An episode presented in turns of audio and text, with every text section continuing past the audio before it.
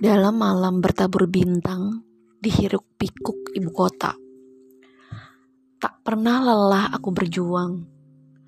Seringkali aku menyerah, tapi aku tahu tak ada pundak untuk bersandar. Setiap cerita menjadi sebuah gumpalan kemarahan yang akhirnya menjadi besar dan menjadikanku seperti bom atom yang bisa meledak kapan saja. Aku sering berteriak pada kehidupan.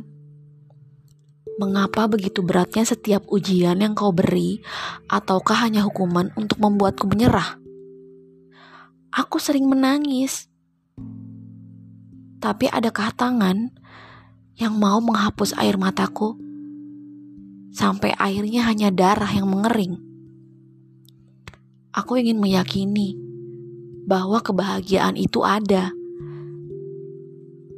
Namun, aku pun ragu bahwa cinta itu milikku. Pada akhirnya, aku harus menerima realita bahwa hidup adil benar adanya Sehebat apa pun aku untuk pura-pura kuat, tetap saja aku tak akan menang melawan kehidupan.